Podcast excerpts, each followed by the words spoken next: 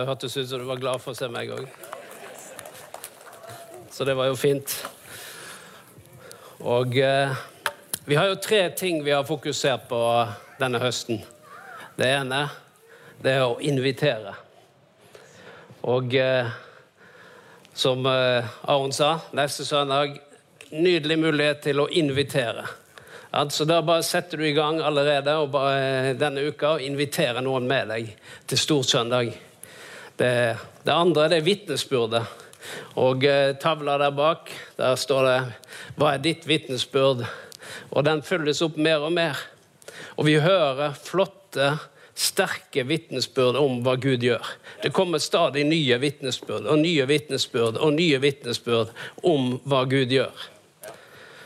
Og så er det dette med helbredelse som eh, vi skal snakke videre om, og som vi har fokusert denne høsten. Og eh, det er fordi at eh, Gud vil helbrede. Det er hans vilje å helbrede. Og når det er Guds vilje å helbrede, da må vi snakke om det, så ikke vi glemmer hva han ønsker å gjøre. OK, er du klar? Jeg har mye på hjertet i dag, så hvis jeg snakker litt fort innimellom, så er det bare fordi jeg skal rekke igjennom uh, tingene. Så da får du heller uh, ta podkasten etterpå og ta på slow motion, OK? Det går an, det, skjønner du. Hvis noen snakker fort, så kan du ta podkasten og kan du si at du skal ha en mindre hastighet. Og hvis noen snakker altfor seint, da kan du øke hastigheten. Da er du ferdig med preken mye fortere. Det er bare et tips.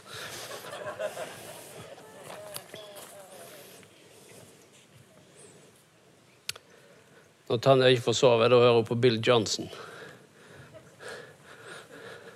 Han snakker så sakte og rolig, har sånn fin stemme.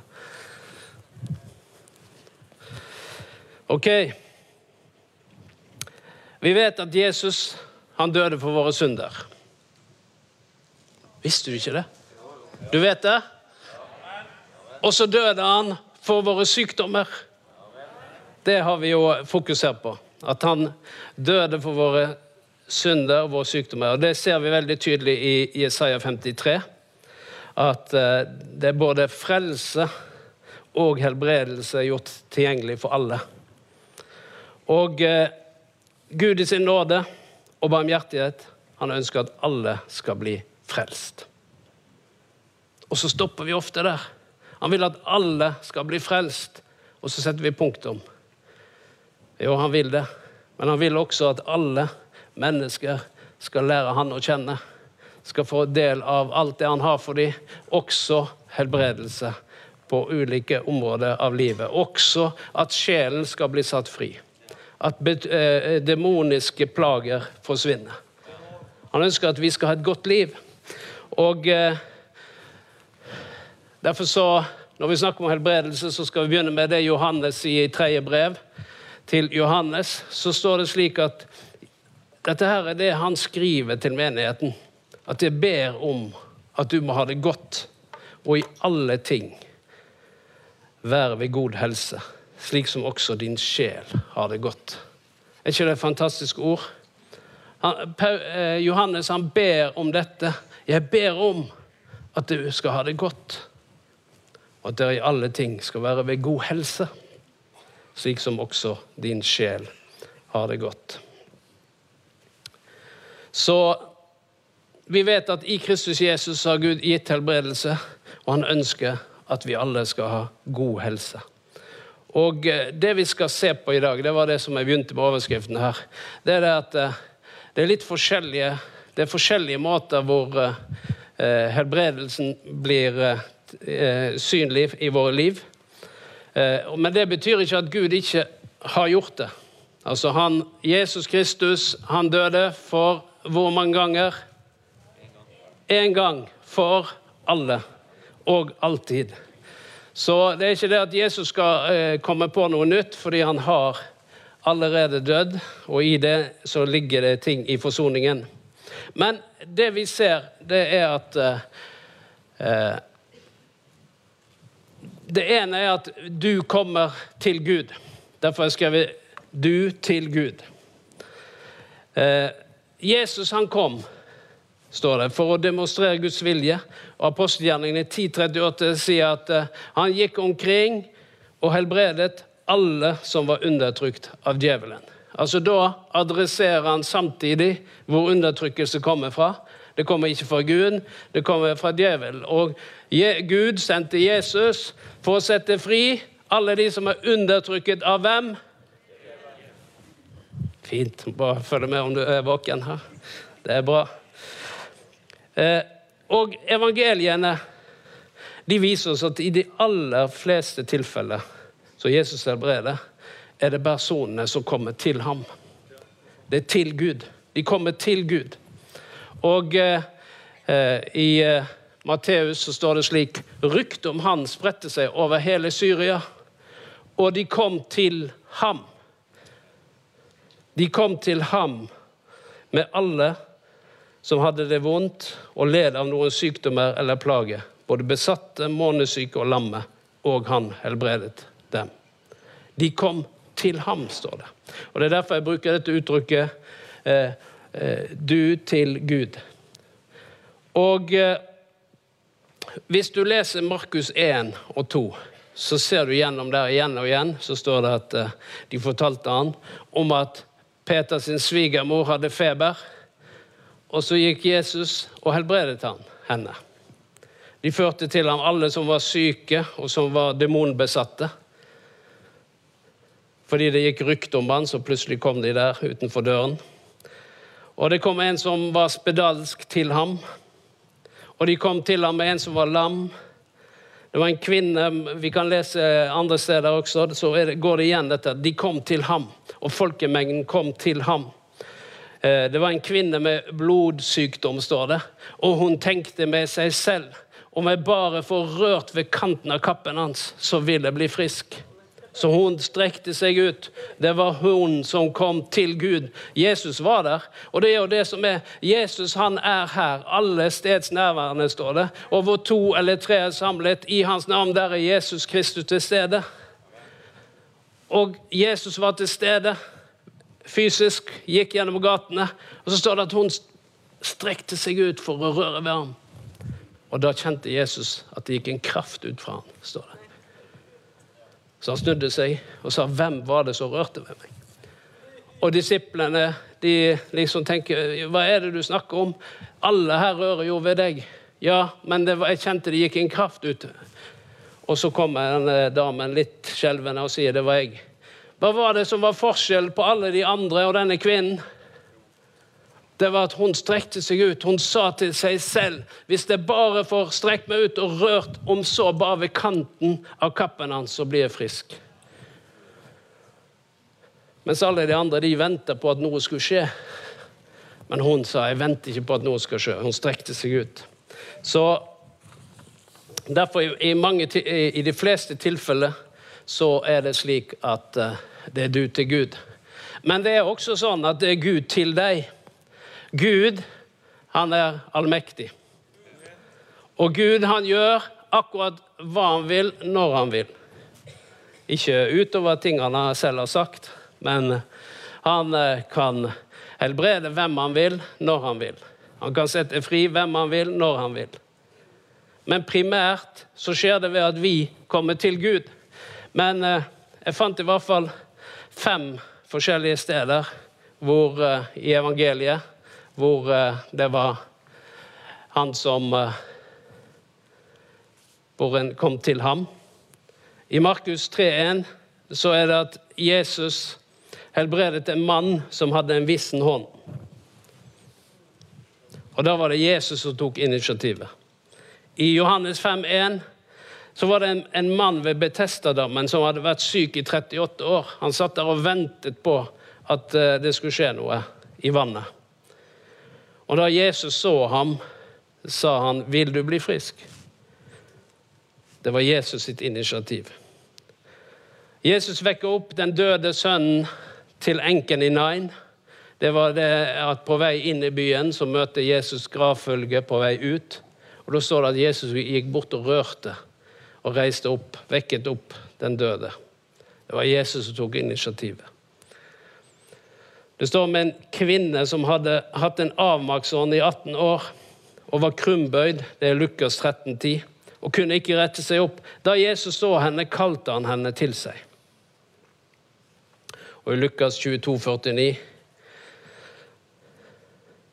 der står det om en spesiell helbredelse. Det var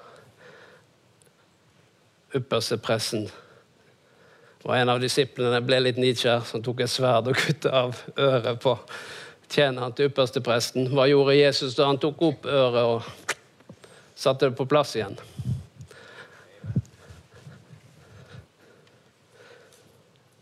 Men utover det så er det ikke mange tilfeller hvor det er at Jesus bare tar et helt ufor, bare tar et initiativ. Så når du ser i evangeliene, så er det sånn at 99 Ikke heng det opp i prosenten.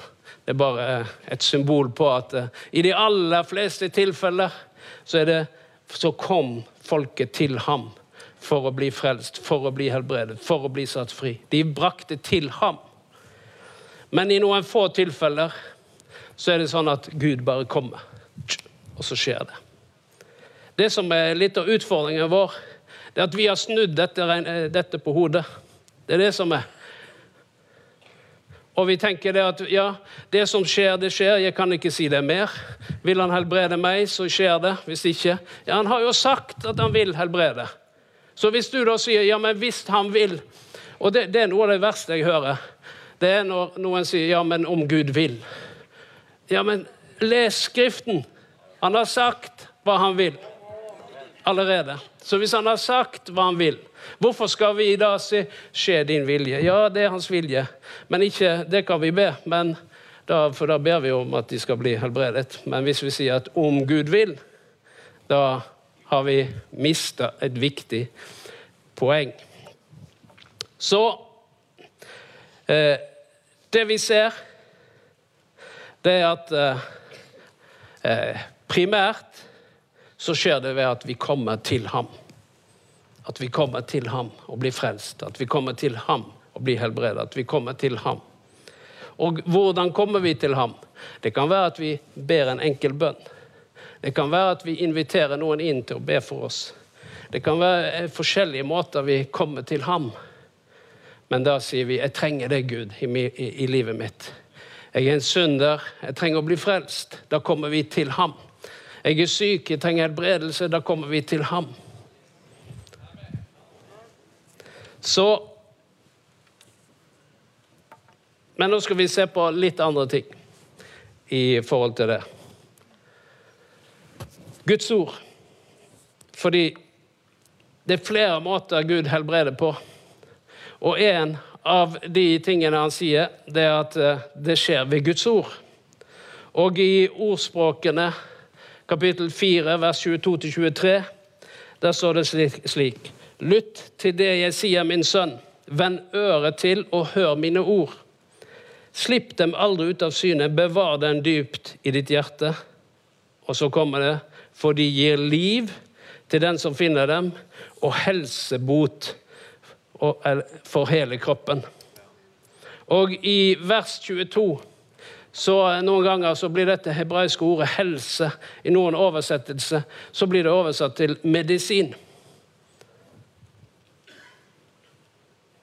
Og det gir For Guds ord, hvis vi leser det da, så det gir liv for den som finner den, og er medisin for hele kroppen. Det er et fint ord. Medisin. Hva gjør du når du går på apoteket? Du henter ut medisin. Gjør ikke du det? Jeg gjør det hvis jeg går på apoteket. Og når du da henter ut medisin, så står det på pakken, kanskje, du skal ta en pille på morgen og kveld. Hva gjør du da? Du tar en pille på morgen og kveld. Og hvis ikke du gjør det, så tenker du 'Å, jeg har glemt å ta pillen'. Full panikk fordi det står på pakken. Du må ta en pille morgen og kveld, og legen har sagt. Men hvis du da går på apoteket, henter ut medisinen, lar han stå der på nattbordet, men du gjør ingenting Du tar ikke denne pillen morgen og kveld, da vil han heller ikke ha den virkningen, selv om han står på nattbordet. Sånn er det også hvis Bibelen ligger på nattbordet. Og du skal ta en pille hver morgen og kveld, så er det sånn, den har jo ikke denne virkningen så lenge den ligger på nattbordet. Du må ta en pille morgen og kveld. Ikke sant? Fordi hvis det, det står at uh, i Salme 120, 107 og vers 20 så står det han sendte sitt ord og helbredet dem. Og fridde dem fra graven, står det. Så Derfor er det slik at når vi oppdager at Guds ord er som medisin, som gir liv og redder vårt liv fra graven, da vil vi ta til oss Guds ord fordi det gir helsebot, legedom for hele kroppen. Er ikke det fantastisk? Så Det er en av de måtene hvor Gud helbreder på. Det er faktisk at vi tar til oss Guds ord. Og Guds ord i seg selv har liv i seg til å helbrede. Og Derfor blir det som medisin.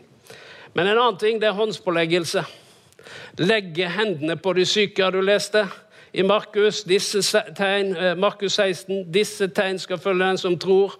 De skal legge hendene på de syke. Og hva skal de da bli? Friske, står det. Det er jo fint. Skal legge hendene på de syke, og de skal bli friske. Og eh, eh Vi kan lese om hva Paulus holdt på med. I siste kapittel i Apostelens gjerninger så står det at han var på reise. da, Så står det at far til Publius lå akkurat da syk, plaget av feber og dysenteri. Paulus gikk inn til ham, ba og hva gjorde han? La sine hender på han og helbredet ham. I Nasaret står det om Jesus at han la hendene bare på noen få syke og helbredet dem. Og Flere ganger så ser vi at folk kommer til Jesus og sier kan du legge hendene på dattera mi, på sønnen min, på tjeneren min. Så det vi ser det er at Dette med å legge hendene på de syke det var ikke noe som var første gangen eh, disiplene så det og hørte det når Jesus sa det i misjonsbefalingen. De hadde sett Jesus demonstrerte tre år mens han gikk omkring. Og Dette her ble noe som eh, ble en befaling som han ga disiplene. Legg hendene på de syke, og de skal bli helbredet. Og det er det du ser Paulus mange år etterpå praktisere. At han la hendene på ham, ba for ham, og la hendene på ham, og så ble han helbredet. Og eh, eh det er noe som eh, eh, Kenneth Hagen han kaller det for loven om kontakt og overføring. The law of contact and transmission. Denne loven som sier at legger, hva skjer når du legger Hvorfor skal du legge hendene på noen? Hva er vitsen med det? Kan du ikke bare si Det beste eksempelet jeg kan komme på, er det noen som har fått motorstopp eller ikke får start på bilen fordi den er tom for strøm. Har du, fått det? har du vært ute for det? Jeg har vært ute for det. Da jeg da, da ring en venn. Eller hvis du har startkabler i bilen, så finner du en annen bil og så tar du og plugger disse to, eh, pluss og minus, startkabler på batteriet. For det er fullt batteri på den ene bilen, men den andre bilen trenger hjelp. Han trenger kraft for å få start. Da tar du disse to startkablene og så legger du dem over på det andre batteriet, og så brum, starter han. Det er samme prinsipp. Fordi at vi er bærere av Jesus Kristus. Du bør ikke føle om han er i himmelen eller på jorden. eller noen ting. Nei, han er, det er nær i ditt munn og i ditt hjerte, står det. Så vi er for Kristus flytta inn. Hva skjer når Kristus i deg får muligheten gjennom dine hender? Da skjer det noe. Da er det kontakten mellom himmelen som går gjennom deg. Du trenger ikke føle noe. Når jeg tar disse her på batteriet. Så heldigvis så føler jeg ingenting. Jeg er glad for det. Men batteriet føler noe og får kraft og liv. Og Sånn er det samme prinsippet. Vi skal legge hendene på de syke, fordi han som bor i oss, er helbrederen Jesus Kristus. Så derfor, når du legger hendene på noen, så går Guds kraft igjennom deg. og inn i den personen til helbredelse. Det er prinsippet. Så vi skal legge hendene på de syke. Er du klar for det? Det er bare til å gjøre det, liksom. For det, det er det Jesus sier. Bare, bare gjør det, sier han. Og jeg tror at når vi gjør det, så begynner ting å skje. En annen ting hvor Gud virker, det er faktisk gjennom nådegaver. At han har utrusta med nådegaver, slik at eh, det er Guds overnaturlige gaver som er gitt til menigheten, som er åndens gaver, eller nådegaver. Eh, som, eh, det er listet opp ni stykker der i første Korinterbrev. Og der, I den listen så står det for ved den ene og samme ånd blir det gitt en å tale visdom, en annen å formidle kunnskap. En får ved den ene ånd en spesiell trosgave, en annen får nådegaver til å helbrede, og en annen og en får kraft til å gjøre under. En får gave til å tale profetisk, en annen til å bedømme ånder. En, uli, en får ulike slag av tungetale, og en annen kan tyde tungetale. Dette krever jo en hel time alene for å gå inn i de. Derfor vil jeg kun feste ved, eh, først og fremst ved den ene der, hvor det står Legg merke til hva som står der. Står det 'nådegave' eller 'nådegaver'? Det står i flertall. Det er mye sykdom, så vi trenger nådegave til helbrede i flertall. Men det er fordi at Gud er så interessert i å helbrede at han, når det kommer til helbredelsens nådegaver, så er de i flertall. Det forteller noe om Guds hjerte for hver enkelt en av oss. Og Noen gang, ganger så er det denne gaven i funksjon som gjelder helbredelse. Og eh, det står at vi skal be om å få nådegaver. Så eh, du kan bare sette i gang. Begynne å be om å få nådegaven til å helbrede. Ja, det er jo fantastisk at Gud bare Det er en gave som vi er bærer av. Og så står det om kunnskapsord. Det har vi jo vært vitne til noen ganger her. At vi har fått kunnskapsord. Eh, på eh, bønnen på mandag for, for to uker siden. Da kom det kunnskapsord kunnskapsord om noen som hadde problemer med kjeven. Var ikke det? Elisabeth Mikkelsen. Kunnskapsord med kjeveproblemer og tenner. Og beskrivelse veldig nøyaktig hvordan det eh, var. Og da var det nådegaven, kunnskapsord, som var i funksjon. Men hva gjorde Elisabeth? Ja, Hun gjorde sånn som den der kvinnen. Hun, hun trengte seg fram for å si 'det er meg'. Du beskriver det akkurat sånn som jeg har det. Hun hadde problemer med å sove pga. smerten stadig vekk. Og den kom og gikk, var kunnskapsordet yes, den kom og gikk. Så fikk forbønn. Momentant helbreda. Fullstendig borte. Kan sikkert få høre detaljene en annen gang. Men det var kunnskapsord som var i funksjon til en spesiell eh, hen, eh, situasjon som var i Elisabeth sitt liv. Og så kommer Gud der og helbreder. Og Det kan også være troens gaver kraftgaver som er i funksjon. Disse gavene har Gud utrusta fordi han vil hjelpe hver enkelt en av oss. Så det er en av de tingene som Nå tror jeg jeg må kjøre opp tempoet her. X-faktor, den skal vi ta fort. Hva er det jeg snakker om da, når jeg snakker om X-faktor? Jeg bare kalte det det, for det var så langt å skrive ekstraordinære hendelser. For noen ganger så skjer det ekstraordinære ting. Vi kan lese om det når, eh, når det står om Peter. Det står at når han var ute og gikk i solskinn, så la de de syke på, langs gatene. Slik at om bare skyggen av Peter kunne falle på dem, så ble de helbredet. Det er noe. Det er derfor det skjer lite av det i Bergen. Det er så lite skygge her. Men det vil jeg kalle X-faktor. Det er ekstraordinært.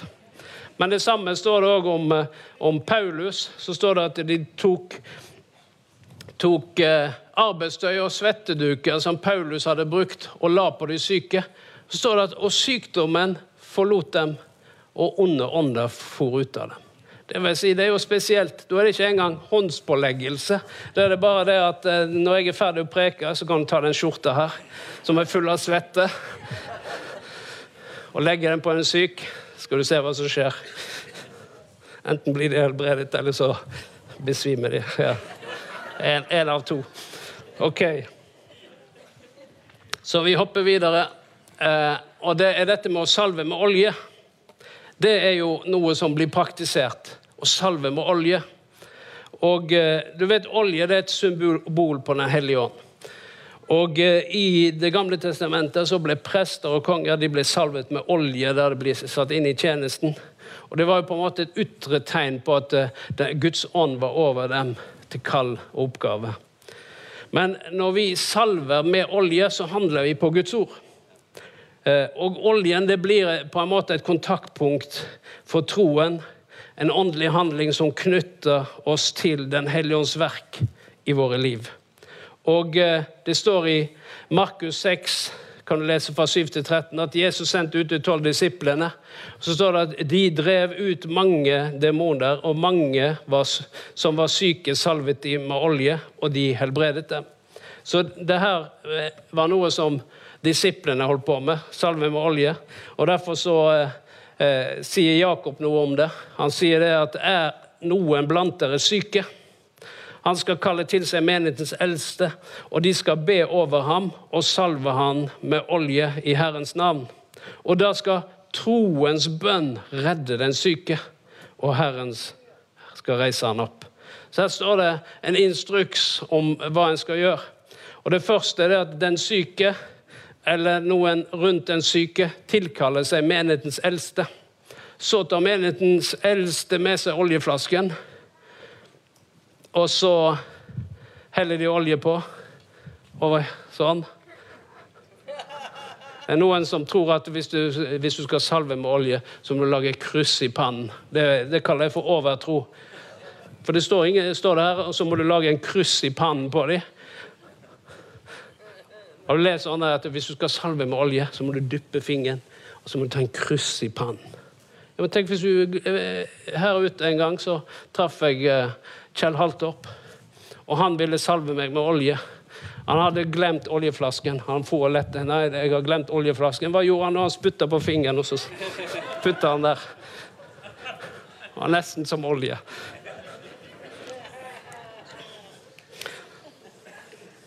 Av og til så Men poenget her er jo ikke verken Er jo ikke oljen i det hele tatt. Det kommer i neste vers. Og troens bønn står det. Det står ikke at oljen skal helbrede den syke. Men det er det vi går rundt og tenker. Det er at oljen skal helbrede. Bare vi får litt olje. Oljen, så kommer den til å helbrede. Jo, det skjer, men det står noe annet. Det står at troens bønn skal helbrede den syke. Og jeg tror Jakob han måtte få det inn der, slik at eh, vi ikke skulle miste fokus. Fordi at da ville, da ville vi gått rundt med oljeflasker hele gjengen. Men det er noe med at, at Gud gir oss noen kontaktpunkt for troen. Og så er det dette den, eh, den hellige ånd, er denne oljen av legedom, som går over våre liv. Yes.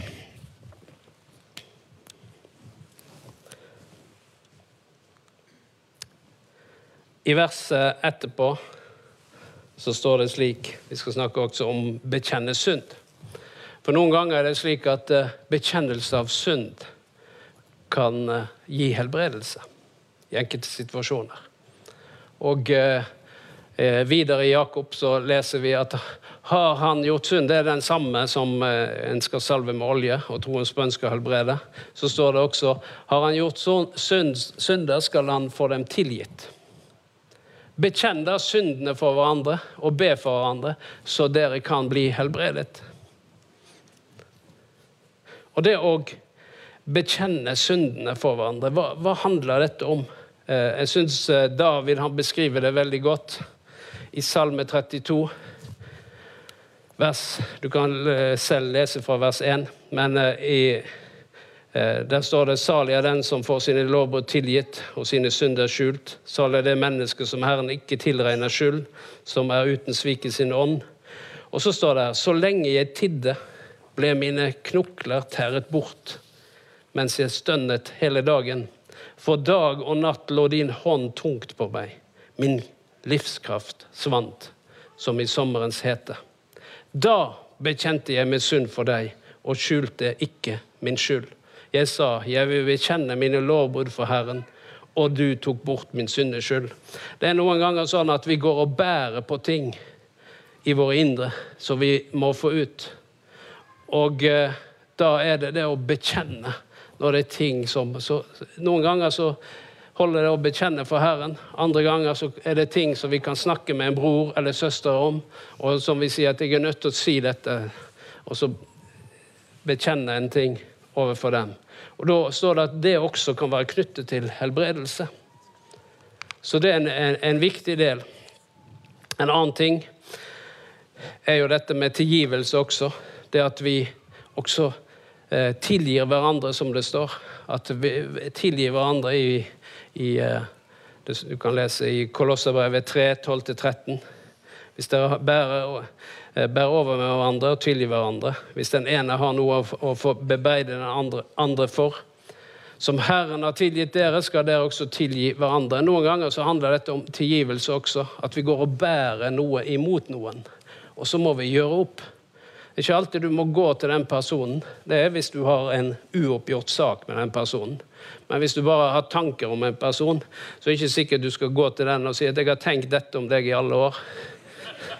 Det kan være at du blir fri, og den andre får et problem.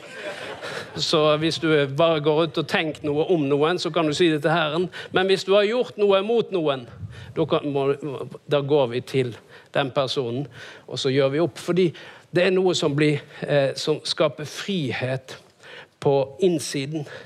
Og derfor så, Når vi holder fast ved ting og ikke tilgir, så skaper det indre konflikter, indre spenninger. Og det kan faktisk føre til sykdom. Og når du blir fri disse spenningene, så kan det føre til legedom. Og tilgivelse det, de, de, som forsker på det, de sier at det har helbredende virkning. For den som tilgir, vil oppleve forsoning som bl.a. resulterer i færre fysiske og psykiske plager. For også det henger sammen. Noen ganger er det psykiske plager som, som gjør at uh, en får problemer. Men da kan Herren sette fri gjennom bekjennelse av synd og også gjennom tilgivelse. Jeg skal bare ta en siste ting her. Det står at kroppslig øving er nyttig til noe. Tilgivelse har vi der, og så har vi endre livsstil. Noen ganger så er det slik at eh, faktisk det å endre livsstil kan også gi helbredelse. Eh, for noen ganger så vil vi gjerne at Herren skal helbrede oss, men det kan være han må helbrede viljen vår. At det er den som trenger helbredelse. Slik at vi kan legge om livsstilen. Sant? Røyking, alkohol, rusmidler. Det er ting som bryter ned kroppen. Og eh, feil kosthold. Det er det samme hvis det er for mye fett og for mye sukker. Så eh, for liten fysisk aktivitet, stress Det, det er mange ting som, kan, som, har med livsstil å gjøre, som kan påføre oss psykiske og fysiske lidelser. Og eh, da kan det være at vi sier 'Herre, helbred meg'. Så sier han ja, men eh, Eh, ta deg en tur på fjellet. Eller på tredemølla. Kjenn på hva som ligger nærmest. Men i hvert fall så, så eh, det, det, å ta den dimensjonen òg inn i, i uh, forståelsen av helbredelse. For Gud vil helbrede, men noen ganger så hjelper han oss til å legge om livsstilen vår.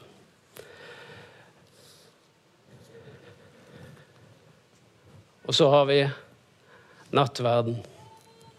Det å dele nattverden og gjøre det i tro. Det er, fordi at uh, det står det i uh, at så ofte som dere eter dette brødet og drikker dette begeret, forkynner dere Herrens død inntil Han kommer. Så ofte som vi tar imot nattverden, forkynner vi Jesu forsoning. Hvor han tok vår sykdom på seg og vår synd på seg. Han ble knust for våre misgjerninger, såret for våre overtredelser. Straffen ble lagt på ham for at vi skulle få fred, og ved hans sår har jeg fått legedom. Og Romerbrevet 5.10 sier at for mens vi ennå var Guds fiender, ble vi forsonet ved ham ved hans sønns død. Når vi nå er forsonet, så ofte vi eter og drikker det, forkynner vi Herrens død. Men hva står det her? Det er at eh, mens vi, vi ble forsonet med ham ved hans sønns død. Men når vi, eh, når vi nå er forsonet, hvor mye mer skal vi ikke da bli frelst ved hans liv? Hva betyr dette ordet frelse? Jo, dette ordet frelse det er gresk, som heter soso. Det betyr å frelse, men det er også å befri eller beskytte, helbrede, bevare, redde, gjøre frisk, og bli hel og gjøre hel. Det er dette ordet frelse. Så når vi Hvor mye mer skal vi ikke da bli helbredet ved hans liv? Eh, befridd ved hans liv? Frelst ved hans liv? Satt fri fra synd ved hans liv? Og det er det som er noe av kraften i nattverden. Og Derfor så eh, hadde jeg lyst til at vi skulle avslutte med nattverden i dag. fordi det henger sammen med noe av det som eh, jeg har snakka om. Fordi at nattverden det samler oss rundt forsoningen. Hvor vi deler vinen og brødet. Jesu legeme og Jesu Kristi blod.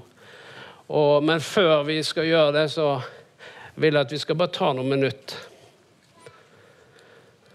og så, før vi går til nattverdsbordet i dag, så skal vi gjøre det slik at det kan være at mens jeg snakket, eller hvis det er ting som du har plaga deg, som du trenger å bekjenne innenfor Herren, og si 'Jeg bekjenner dette, Jesus Kristus', så tar du imot tilgivelse.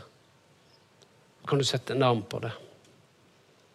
Det kan være at du trenger hjelp til å endre på livsstil eller endre på ting, et mønster i ditt liv.